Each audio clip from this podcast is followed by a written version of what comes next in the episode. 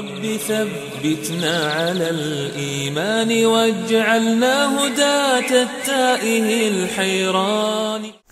أعوذ بالله من الشيطان الرجيم. بسم الله الرحمن الرحيم. إن الحمد لله تعالى نحمده ونستعينه ونستغفره ونعوذ بالله من شرور أنفسنا ومن سيئات أعمالنا. من يهده الله فلا مضل له ومن يضلل فلا هادي له. واشهد ان لا اله الا الله وحده لا شريك له واشهد ان محمدا عبده ورسوله ارسله الله تبارك وتعالى بالهدى ودين الحق ليظهره على الدين كله وكفى بالله شهيدا ثم اما بعد Svaka zahvala pripada Allahu subhanahu wa ta'ala. Njega slavimo i njega veličamo. Od njega pomoć i oprosa naše grijehe tražimo. Neka je salavat i selam na njegovog posljednjeg poslanika, njegovog odabranika i miljenika, Muhameda sallallahu alihi wasallam, njegovu časnu porodcu, sve njegove ashabe, a i one koji slijede njihov put do sudnjega dana. A zatim, ovo je naše, hvala Allahu, 40. druženje uz životopis Allahov poslanika, sallallahu alihi wasallam. Prošli put smo vidjeli kako se poslanik, sallallahu alaihi wasallam, smjestio i nastanio u Medini, kako je Medina postala Medinom, gradom Allahovog poslanika kako je to mjesto Jesri postao grad Allahovog posljednjeg poslanika i vjerovjesnika Muhameda sallallahu alaihi wasallam i kako je čitavo to društvo i čitav taj grad postao obasjan i cijenjen i poštovan nakon što je bio prezren i kuđen zbog onoga što ga je zadešavalo u prethodnom periodu, periodu prije dolaska Allahov poslanika, sallallahu alaihi ve sellem, i njegovih ashaba. A dolaskom Allahov poslanika, sallallahu alaihi ve sellem, obasjalo ga je svjetlo upute Islama, svjetlo istine, svjetlo bratstva među muslimanima, prije svega među ensarijama, samim stanovnicima Medine, a onda i onima koji su došli kao muhađiri, iz Mekke, a poslije, kao što ćemo išala vidjeti, iz drugih mjesta.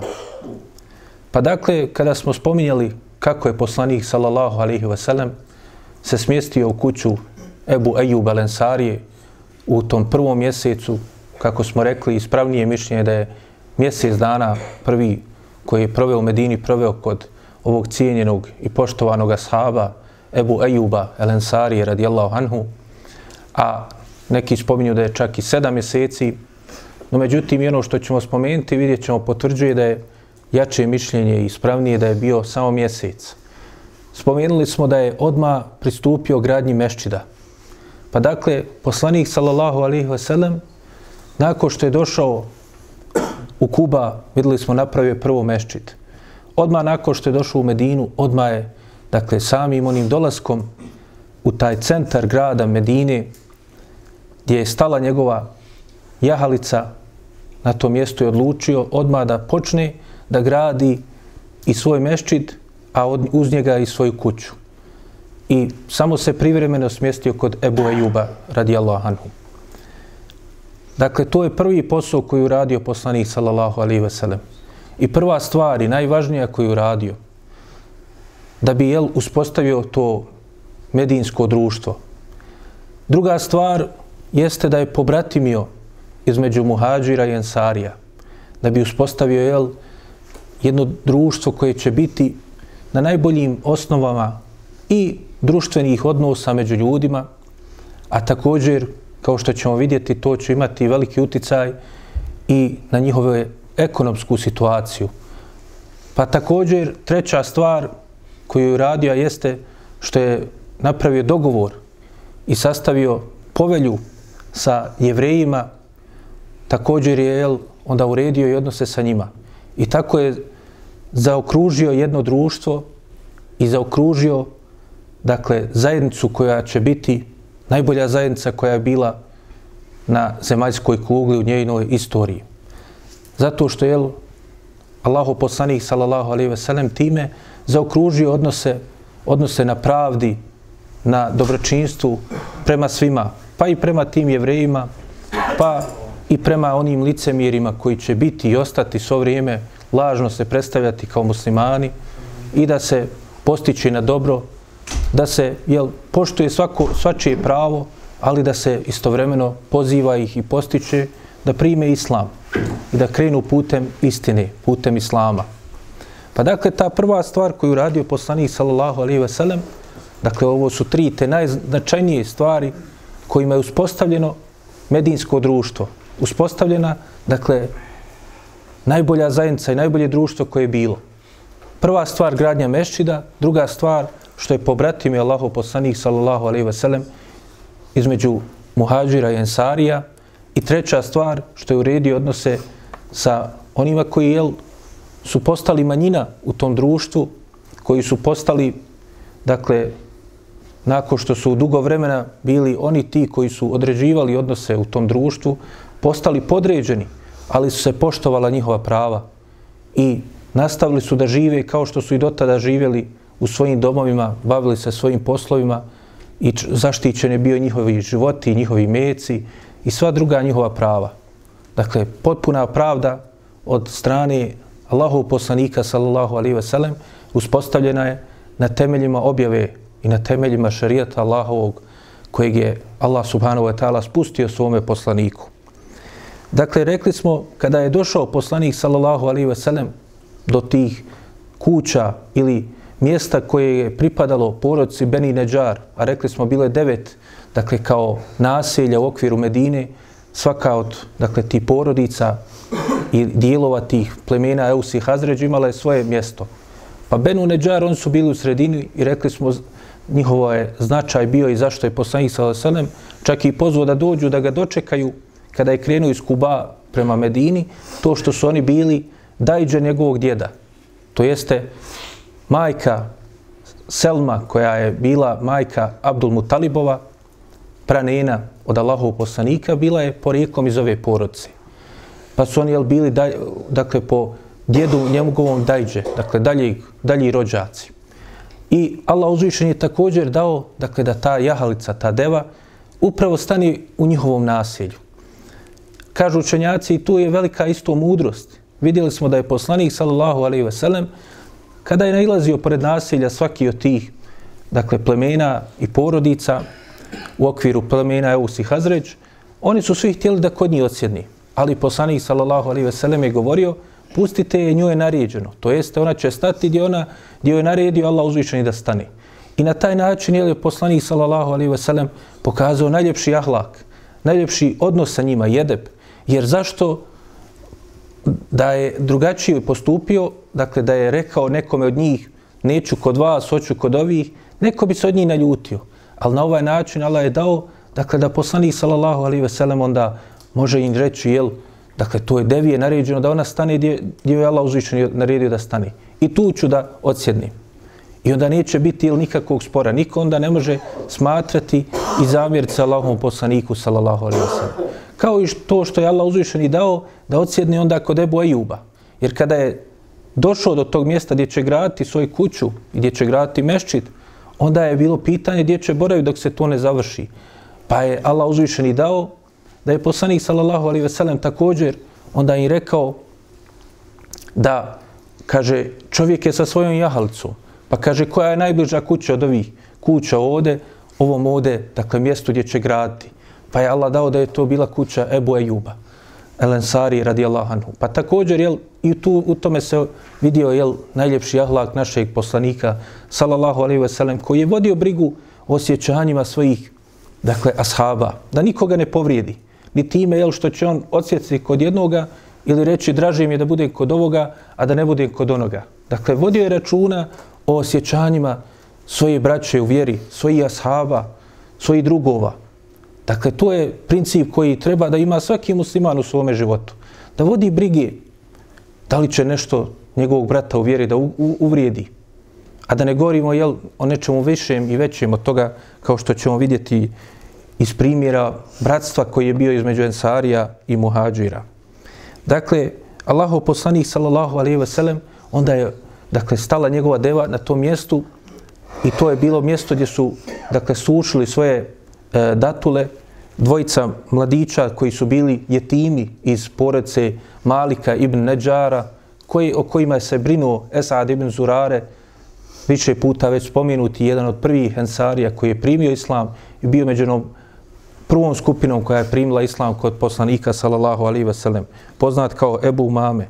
Ta dvojica mladića kojima ime bilo Suhel i Sehl, dakle, njima je pripadalo to gdje je stala deva Allahov poslanika, sallallahu alaihi ve sellem. To je bilo na njihovom posjedu. Pa je poslanik, sallallahu alaihi ve sellem, da to otkupi od njih. Nije tijelo, dakle, da oni to njemu poklone. Ali su oni insistirali i čitao, dakle, ta porodca Benu Neđar, insistirao da mu to poklone.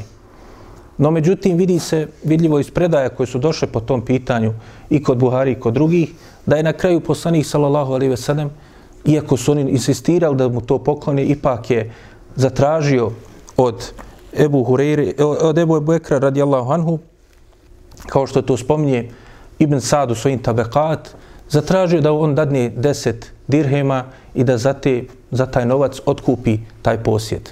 Na tom posjedu, dakle, oni su sušili svoje, dakle, tu su bile, dakle, kao e, iskopane, e, dakle, e, zemunice u koji bi oni sušili svoje e, datule. A također tu je bilo već povaljanih nekih starih, neupotrebljivi više, jel, osušenih e, palmi.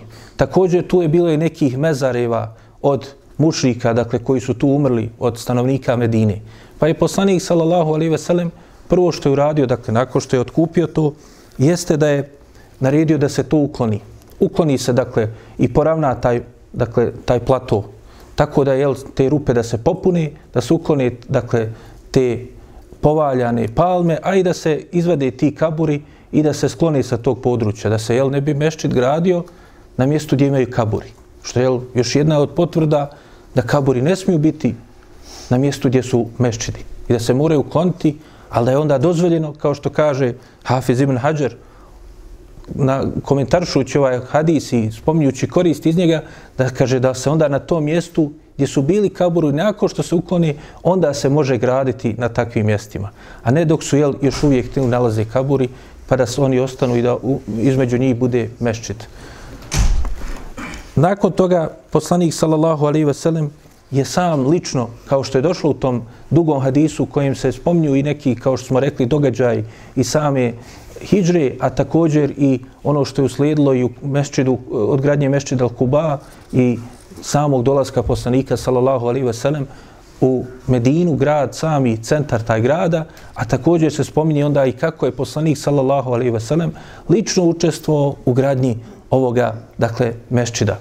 Allahu poslanik sallallahu alaihi sellem time je i on sam uzeo učešće u gradnji meščida. Pa smo spomenuli da je poslanik sallallahu alaihi sellem čak postičući ashabe na taj rad, postičući ih na gradnju tog mešćida, između ostalog čak i neke stihove tu spomenu.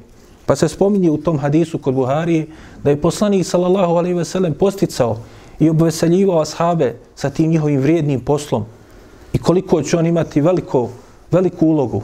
A znamo jel, koliko veliku ulogu ima taj mešćid do današnjeg dana i koliko je jel, vrijednost ima i koliko je dobra izašlo iz tog mešćida Allahov poslanika sallallahu alaihi ve sellem Zbog toga je poslanik sallallahu alaihi ve sellem govorio, kaže, hada himalu la himale hajberi.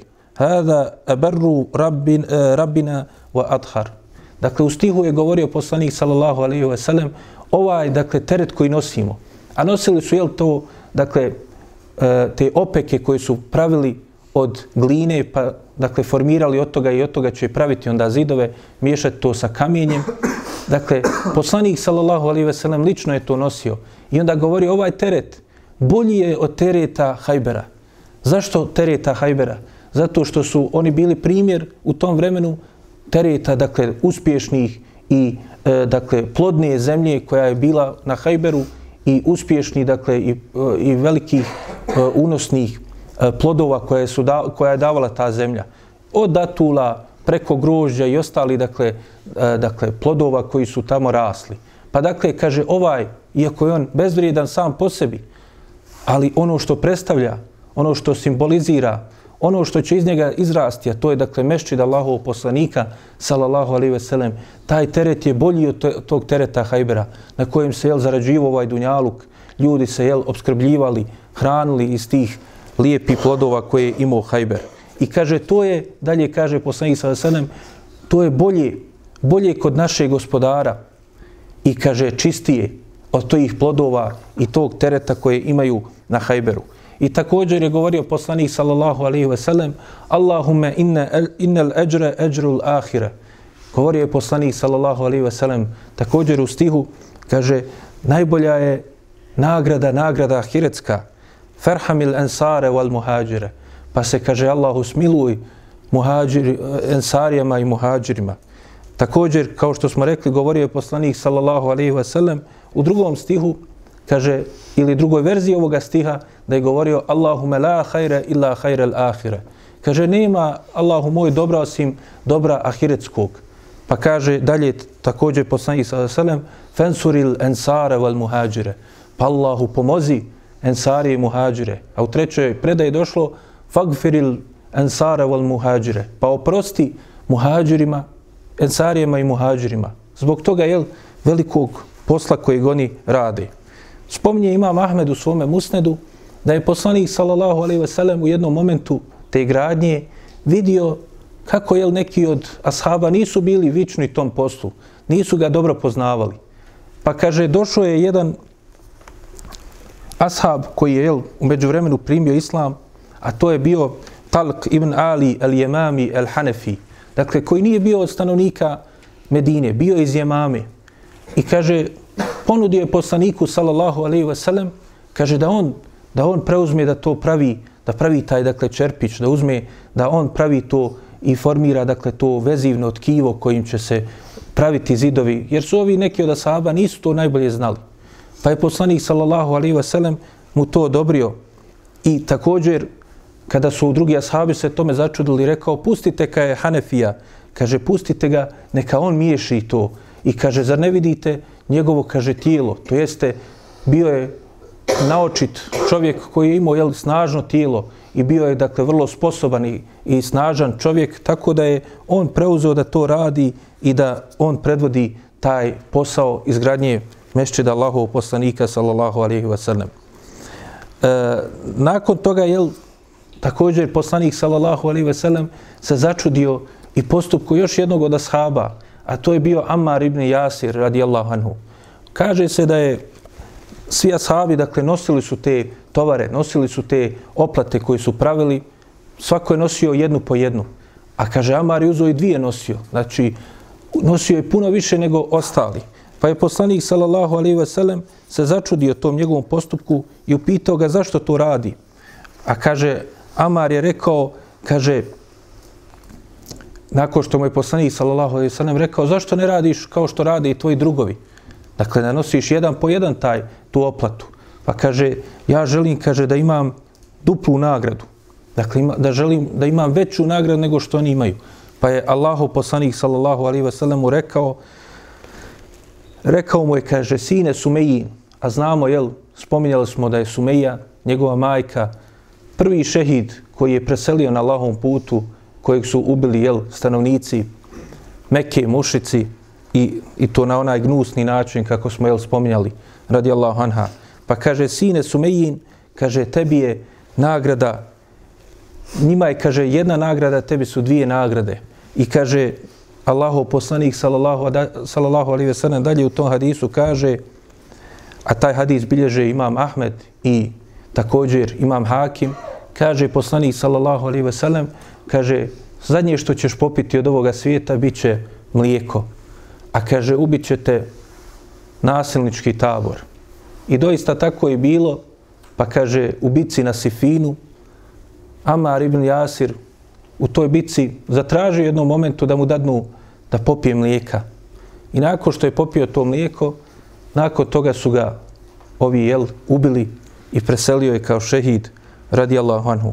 Osnova ovoga hadisa također je i kod imama muslima gdje se također spominje da će ubiti jel Amara, dakle nasilna grupa, to jeste grupa koja je nije bila u pravu, dakle grupa koja nije bila na zlu, nije bila na tome da su oni jel, bili u zavludi, kao što se želi iz toga izvući, nego su oni jel, bili štihadli, kao što je ona grupa sa kojim je bio Alija radijela Anu, ali Alija je bio halifa, pa je on bio s pravom, traži od njih da dadnu mu pokornost, dakle, i da onda nađu se ubice Osmana radijallahu anhu. Dakle, da ne dužim o tome, jel, to je onaj događaj nakon i bitke koji su slijedile, nakon što je ubijen Osman radijallahu anhu i nakon što su, jel, smutljivci, munafici, spletkaroši, želili da zavode ashabe međusobno, pa jel, jedna od tih žrtava koja je pala zbog tih njihovih smutnji i spletki koji su napravili i tog zla kojeg su posijali, bilo je što je bio, jel,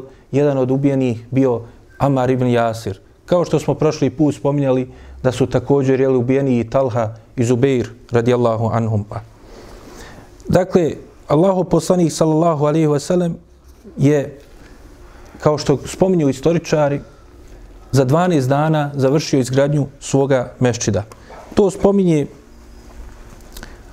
imam Bejheqi u svom delajlu, da je 12 dana bilo potrebno poslaniku sallallahu alaihi wasallam sa njegovim ashabima da izgrade taj meščit. Dakle, imali su te oplate i zidove od dakle, najobičnije gline, miješali sa kamenjem. Njihovi, stubovi toga meščida su bili od dakle, stabala palmini, a kaže krov je bio od lišća palminog. A dole nije bilo nikakvih prostirki, nego je pjesak bio pod dakle, samog meščida. Dakle, vrlo skromna izgradnja je bila i vrlo skromna je dakle bila dakle izgled tog mešćida Allahovog poslanika sallallahu alaihi ve sellem što ne umanjuje u njegove, od njegove važnosti zato što je taj mešćid jel kao što kažu učenjaci kaže taj mešćid je odgojio najbolje ljude koji su hodali zemljom najbolju generaciju nije pojenta jel u ljepoti te građevine u njenim ukrasima nego je pojenta u njenoj sadržini šta ona sadrži u šta poziva i, i šta iz nje izlazi? A izlazilo je najveće dobro. Pozivao je poslanik sallallahu alaihi ve sellem i odgajao na temeljima objave od Allaha subhanahu wa ta'ala, pa je onda iz te i takve građevine izašla najbolja generacija, generacija za koju možemo reći jel, da su bili meleci među ljudima. Dakle, zbog mnoštva dobra kojih su uradili i koristi za muslimane.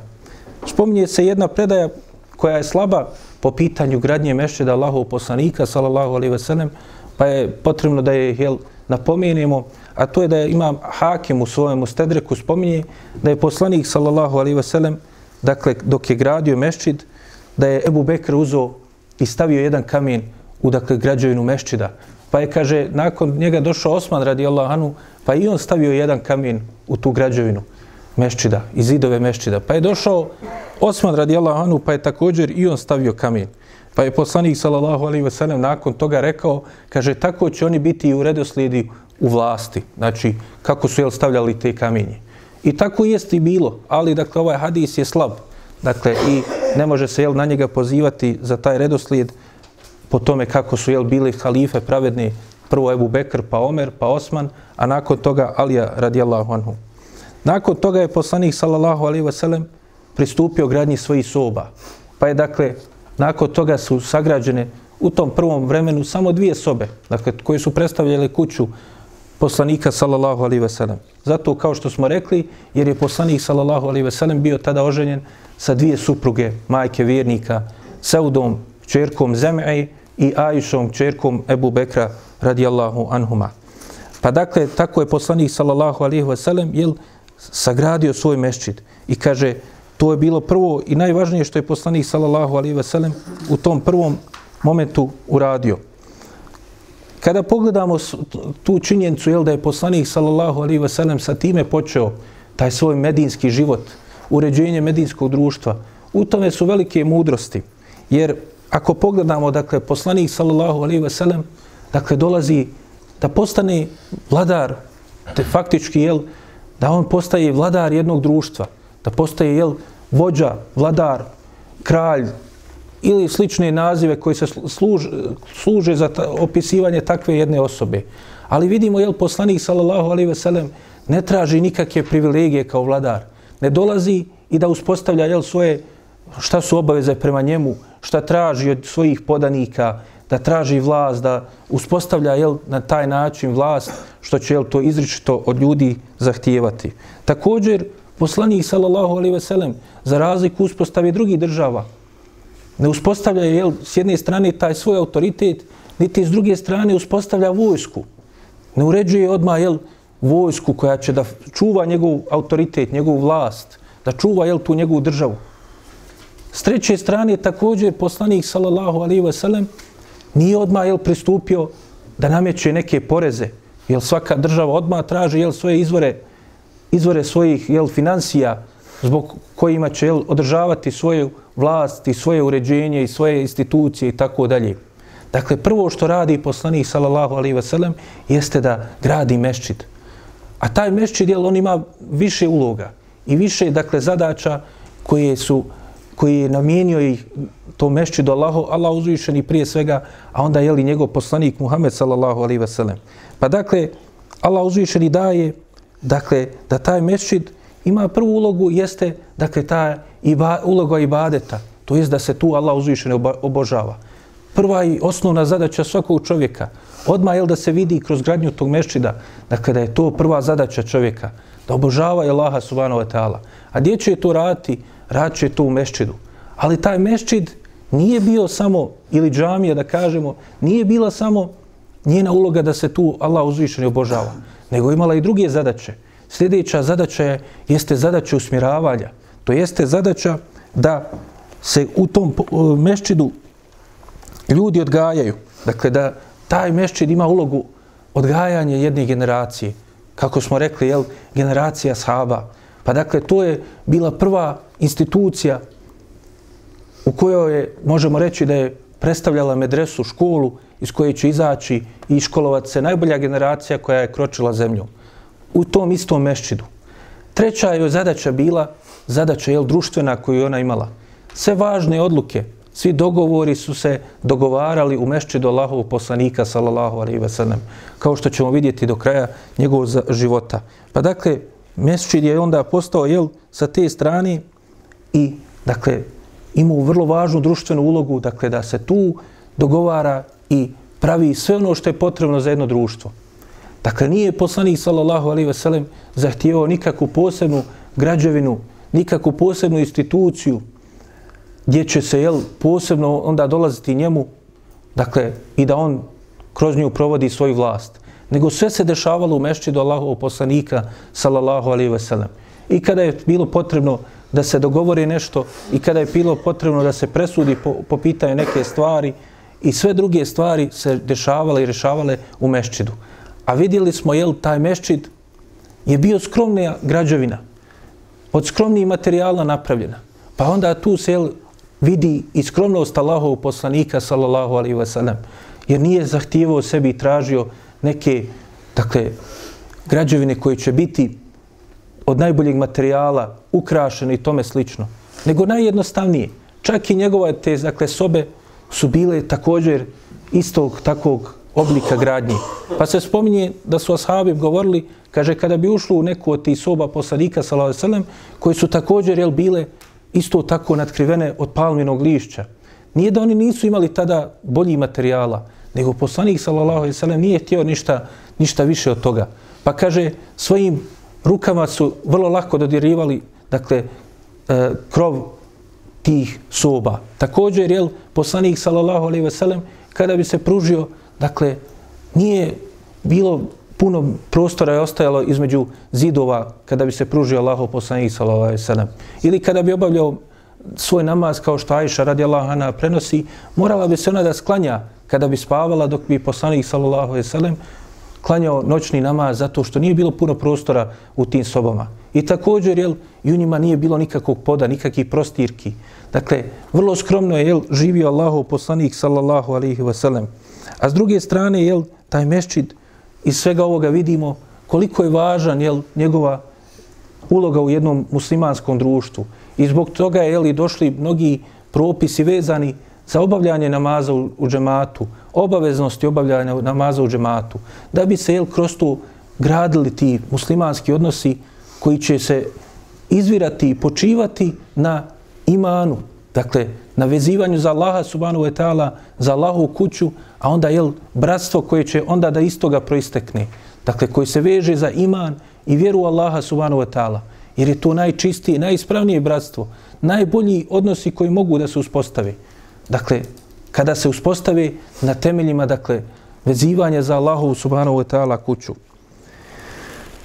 Dakle, poslanik sallallahu alaihi ve sellem također vidimo je da je lično on sam gradio taj meščid. Sam je lično on dao da se otkupi ta zemlja. Pa dakle vidimo jel da je poslanik sallallahu alaihi ve sellem bio do njih i želio da kaže i svojim ashabima koji su onda jel to na najbolji način izvršili da kada pozivaš u neko dobro onda budi prvi koji ćeš raditi to dobro. Kada pozivaš ljude da čini dobro da ti budeš uzor ljudima i primjer kako da se to postupa i kako da se čini to dobro. A Allahu poslanik sallallahu alejhi ve sellem je kao što je Allah uzvišeni nam i kaže bio kudvetu hasene i on je bio doista dakle taj najbolji najbolji uzor, najbolji primjer koji čovjek onda može da slijedi u svome životu. Što se tiče samog mešćida Allahu poslanika sallallahu alaihi ve sellem, dakle mnoge su vrijednosti tog mešćida do današnjeg dana su i ostale. Spomenut ćemo Još jedan zanimljiv događaj vezan za te prve dane poslanika sallallahu alaihi ve sellem u njegovom mešćidu. A vezane su za njegov mimber na kojem je držao hutbe. U prvim danima ili prvim mjesecima ili čak možemo reći godinama poslanik sallallahu alaihi ve sellem kao što se spominje sve do bitke na Hajberu koja će biti sedme godine po Hidžri, dakle sedam gotov godina, je držao svoje hutbe sa panja. Panj od jedne, jednog palminog drveta. Na njemu je poslanik, sallallahu alaihi ve sellem, držao hutbe. Pa nakon što je, jel, nakon bitke na Hajberu, nakon što se povećao broj muslimana, a spominjali smo čak, također da je u tom vremenu, jel, će tek da dođu mnogi od onih koji su učinili hijđru u Abesiniju, također im neka od plemena, poput plemena Ebu Hurere, će doći u tom vremenu, dakle pleme Daus, kao i još neki od stanovnika Jemena, u tom vremenu će doći jel, i primiti islam i nastaniti se u Medini. Pa se povećao broj oni koji su jel, prisustvovali hudbama Allahov poslanika, sallallahu alaihi veselem, koji su klanjali džumu u tom meščidu. Pa su predložili neki poslaniku, sallallahu alaihi veselem, kao što je došlo u hadisu kod Buharije i drugi, da je to, kaže, ili žena ili čovjek. A kažu, od tumači ovoga hadisa i komentatori kažu da je to bila jedna žena od Ensariki. Kaže, predložila je poslaniku, sallallahu alaihi wasallam, dakle, da napravi, da mu se, dakle, e, skuje jedan, dakle, mimber koji će ga onda da viš, na višu, dakle, mjesto da ga izdigne, da bi ga, jel, bolje videli oni koji prisustuju džumi i, njegu, i slušaju njegove hutbe. U tim hadisima dalje se kaže, kaže da je taj dakle taj panj na kojem je poslanik sallallahu alaihi ve sellem držao hutbe, kaže taj panj nakon što je sljedeću hudbu, nakon što je poslanik, poslaniku sallallahu alaihi ve sellem napravljen, dakle taj novi mimber, kaže taj panj je počeo da cvili, da plaće, kaže kao malo dijete, da ruči zato što poslanik sallallahu alaihi ve sellem više sa njega ne drži hutbe. Pa je poslanik sallallahu alejhi ve sellem prišao tom panju i kaže pomilovo ga. Pa kaže taj pjan je plakao kao što kaže malo dijete plače. I kada ga je pomilovao Allahu poslanik sallallahu alejhi ve sellem onda se smirio. I to je, ta predaja je došla u više hadisa gdje se spominje da je taj jel, panj istinski se čuo njegovo plakanje, njegovo cviljenje, zato što ga je ostavio Allahov poslanik sallallahu alejhi ve sellem da više jel ne čini i ne klanja džumu i drži hutbu na njemu. Imam Ibn Hibban prenosi od Hasan el Basrija kako je često se, kaže, sjećao ovaj cijenjeni tabin toga panja, pa bi govorio, kaže,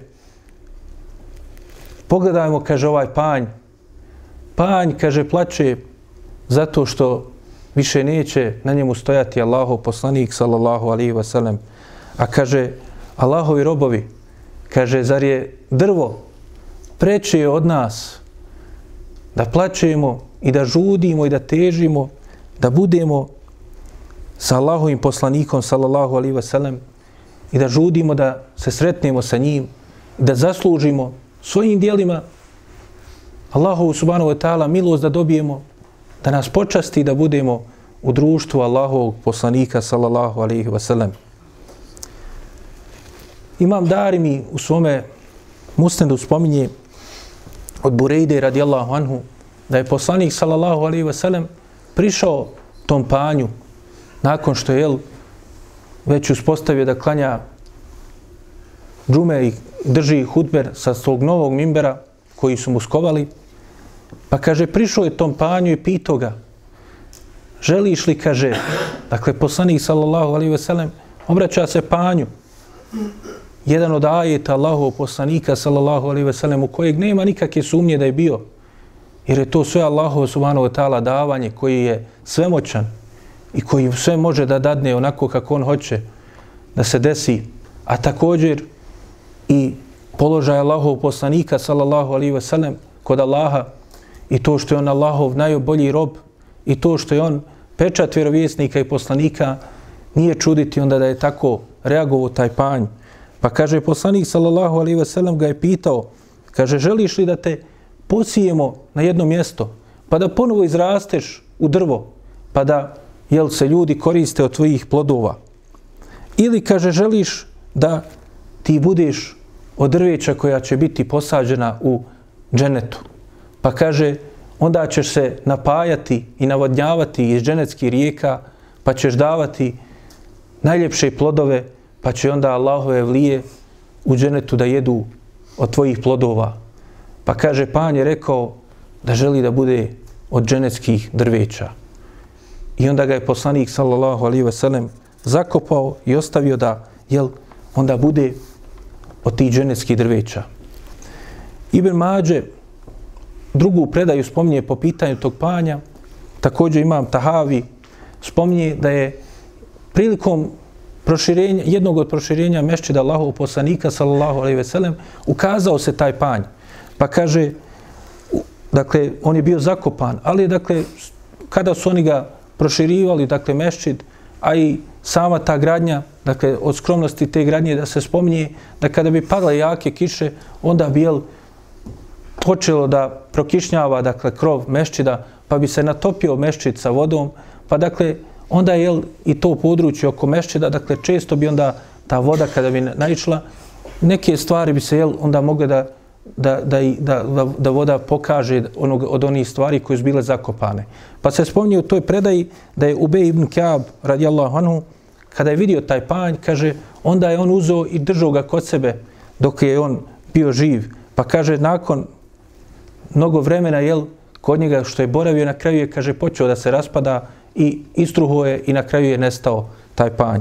Što, jel, nije suprotno s tim, dakle, da će Allah uzvišeni dati da taj panj na sudnjem danu doista bude proživljen i da bude od dženetskih drveća koji će biti u dženetu. Allahu poslanik sallallahu alejhi ve sellem je spomenuo mnoge vrijednosti ovog meščida Najveća vrijednost ovog mešćida Allahov poslanika sallallahu alejhi ve sellem je to što je on jedan od tih tri mešćida koje je dozvoljeno i propisano i pohvalno da čovjek posjeti sa namjerom ibadeta u njima. Dakle, to su El Kaaba, drugi je mešćid Allahov poslanika, a treći je mešćid mešćid Lalaksa koji se nalazi u kucu u Jeruzalemu. Pa vrijednost jel, tog mešćida je to što je u njemu namaz vrijedniji hiljadu puta nego na drugim mjestima. Samo je jel, meš, u mešćidu Kjabe, dakle u mešćidu Haramu, vredniji namaz, gdje je vrijednost namaza 100.000 namaza kao na drugom mjestu. I to je, te predaje su zabilježene i kod Buhari i muslima u njihovim sahihima i dakle vjerodostojne su. Dakle, velike vrijednosti su i velika je počast da čovjek bude počašćen, da ode i da makar jel, jedan namaz klanja u tom mešćidu. A molim Allaha da nam to svima olakša i da nam podari tu veliku blagodat. Druga stvar koju je učinio Allahu poslanik sallallahu alaihi ve sellem jeste da je pobratimio muhađire i ensarije. Dakle, poslanik sallallahu alaihi ve sellem nakon što je završio gradnju meščida, spominje se da je u kući Enesa ibn Malika, a u drugim predajima je došlo da je u samom meščidu odlučio da pobrati mi muhađiri i ensarije. Spominje se da je u tom momentu bilo 90. I kažu učenjaci, to ne znači da su to bili svi, nego do, to je bila dakle ta prva grupa. A dakle to pobratinjenje, kako su neki dolazili poslije, i oni koji su naknadno učinili hijđru, i oni koji su naknadno primili islam, onda bi poslanik sallallahu alejhi ve sellem ponovo jel između ti novi svih muhadžira i ensarija svakog put jel, jednog od muhađira i jednog od ensarija bi pobratimio. Pa dakle, zato nema spora dakle, da je bilo to bratimljenje i u kući Enesa ibn Malika i u samom meščidu, kako ukazuju te jel, vjerodostojne predaje. Pa kaže, bilo je 90, 45 od muhađira i 45 od ensarija prilikom tog početnog jel, bratimljenja. Pa je poslanik, sallallahu alaihi ve sellem, svaki od muhađira dao, dao da ima jednog brata od, od ensarija. Kako je bilo to bratstvo? To je bratstvo bilo tako što je poslanik sallallahu alejhi ve sellem dao da oni međusobno budu istinski braća i čak i više od toga. Zato što kaže u tim prvim godinama su jedni drugi i nasljeđivali. Čak jel dakle kada bi neki od ensarija preselio, ne bi ga njegova porodica naslijedila u njegovom imetku, njegovoj kući, nego bi ga naslijedio neki od ti, jel, onaj koji mu je bio brat od muhađira.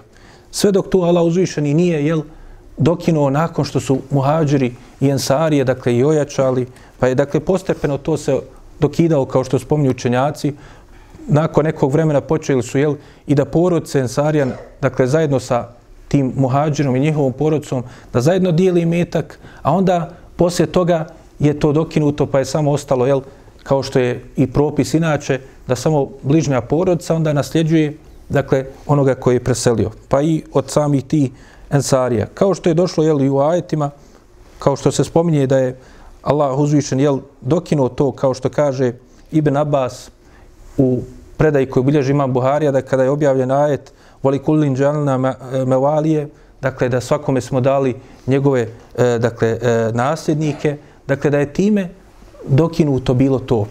E, dakle, e, što sam Ibn Abbas je E, pošto je, kao što znamo, on bio dijete, o, on je rekao da je time odmah sve dokinuto.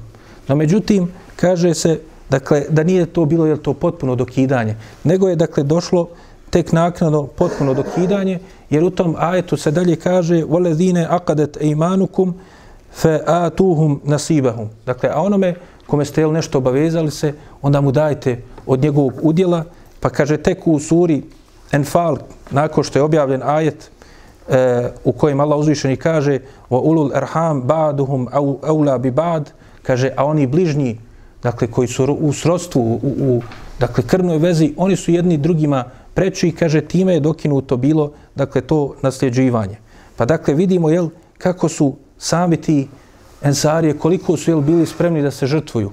Jer oni su to drage volje prihvatili i nisu to smatrali teškim za sebe dakle, da prihvate takvu obavezu da na takav način jel, prihvate muhađire i da i čak jel, budu spremni da budu oni njihovi nasljednici njihovog imetka.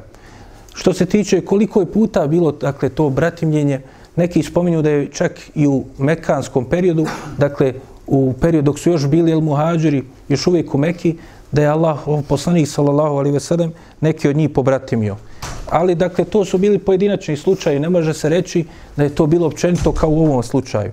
Zato što je došlo u nekim predajama kao kod Buharije da je Allaho poslanik sallallahu alejhi ve sellem svoga amidžu Hamzu ibn Abdul Mutaliba pobratimio sa Zeidom ibnul Harithom, dakle svojim oslobođenim robom. Kao što je također imam, Ahme, eh, imam Hakim spomnije da je Allaho poslanik sallallahu alejhi ve sellem pobratimio Zubeira sa Abdullahom ibn eh, Mes'udom. A drugi put je desilo se ovo bratimljenje koje je bilo između muhađira i ensarija. Pa se spominju čak i konkretni slučajevi koga je sve poslanik sallallahu alaihi ve sellem pobratimio.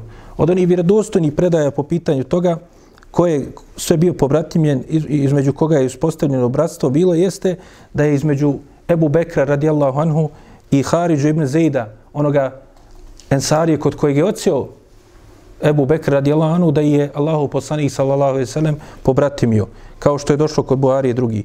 Također Ibn Hajar spominje da je Omer ibn Khattab pobratimljen sa Itbanom ibn Malikom El Ensarijom radijallahu anhu. Također se spominje kod imama muslima da je Ebu Ubejde ibn Al-Đarrah pobratim, Allahu poslanik sallallahu alejhi ve sellem ga pobratimio sa Ebu Talhom eh, e, El Ensarijom. Također Došlo je kod Buharije da je Abdurrahman ibn Auf pobratimljen sa Sadom ibn Rebijom. Također se spominje kod imama Hakima da je Musa ibn Umeir bio brat od dakle muhađira kojeg je poslanik sa selim pobratimio sa Ebu Ejubom Elensarijom radijallahu anhu. I kod Buharije je došlo također da je Selman el Farisi, ali tek jel, to je jedan od tih primjera naknadnog bratimljenja, jer kao što smo rekli, Selman el Farisi je primio islam u tom već prvim danima kako je došao poslanik sa Veselem, ali tek naknadno, jel, pošto je bio još uvijek u ropskim odnosima kod jevreja, tek nakon bitke na Uhudu je on potpunosti oslobođen i postao slobodan čovjek, pa ga je poslanik sallallahu alejhi ve sellem tada pobratimio sa Ebu Derdom radijallahu anhu.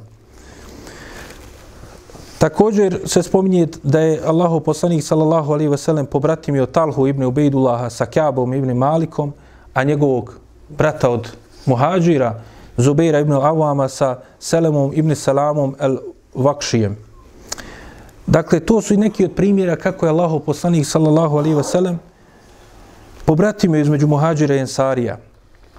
Od primjera kako je to bilo bratstvo, navešćemo neke od hadisa kojima to nam naj, na najbolji način približavaju to bratstvo.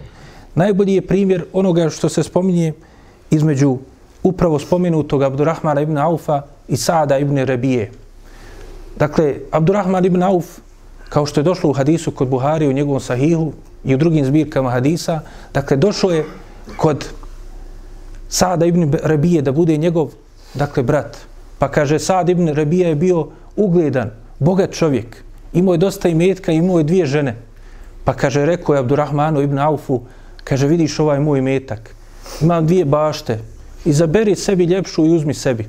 Dakle, baštu sa palminjacima nešto jako vrijedno u tom vremenu. Kaže, vidiš ome dvije moje supruge, izaberi sebi jednu i kaže, uzmi koju hoćeš za sebe, da se oženiš sa njom. Možemo li zamisliti kolika je to jel, žrtva i spremnost da se pomogne svoga brata? Da dadne jel, ne samo pola svoga imetka, nego i jednu od svoje dvije supruge. Ali šta je bio odgovor Abdurrahmana ibn Aufa? Što kažu učenjaci, Na najbolju ponudu Abdurrahman ibn Auf je dao najbolji odgovor. Abdurrahman ibn Auf je rekao da kaže Allah uzvišeni ti podari bereket u, tvome, u tvojoj porodci i tvome imetku. Kaže, pokaži mi gdje je pijaca. Nije želio to da uzme Abdurrahman ibn Auf, nego je rekao, pokaži mi gdje je pijaca da ja idem za sebe zarađivati. Pa kaže se dalje u tom hadisu, kaže, otišao je na pijacu od plemena jevrijskog Benu Kajnuka I kaže, tamo je prodavao maslo i prodavao je sir. Pa kaže, Allah da, uzvišeni mu je dao bereket u njegovoj trgovini, pa je nakon nekog vremena se oženio. Pa kaže, sreo ga je poslanik, sallallahu alaihi ve sellem, kaže, vidio je na njemu tragove mirisa. Dakle, to je bio znak, jel, da je se oženio. Pa kaže, upitao ga je, kaže, koliko si dao joj kao mehr, rekao je, dao sam joj zlata, u težini pet dirhema.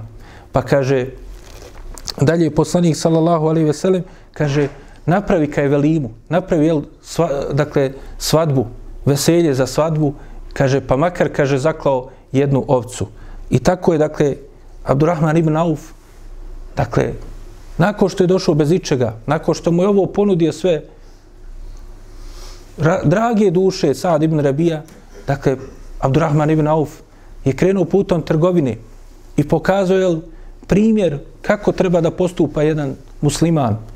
Allah uzvišeni mu je dao toliki bereket u njegovoj trgovini i njegovom poslovanju da je on jedan od tih desetorice kojima je obećan dženet.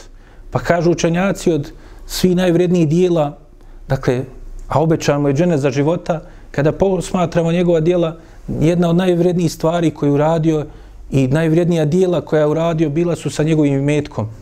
Dakle, sa svojim tim imetkom je na kraju zaradio da je Allah uzvišeni preko svoga poslanika mu obećao dženet.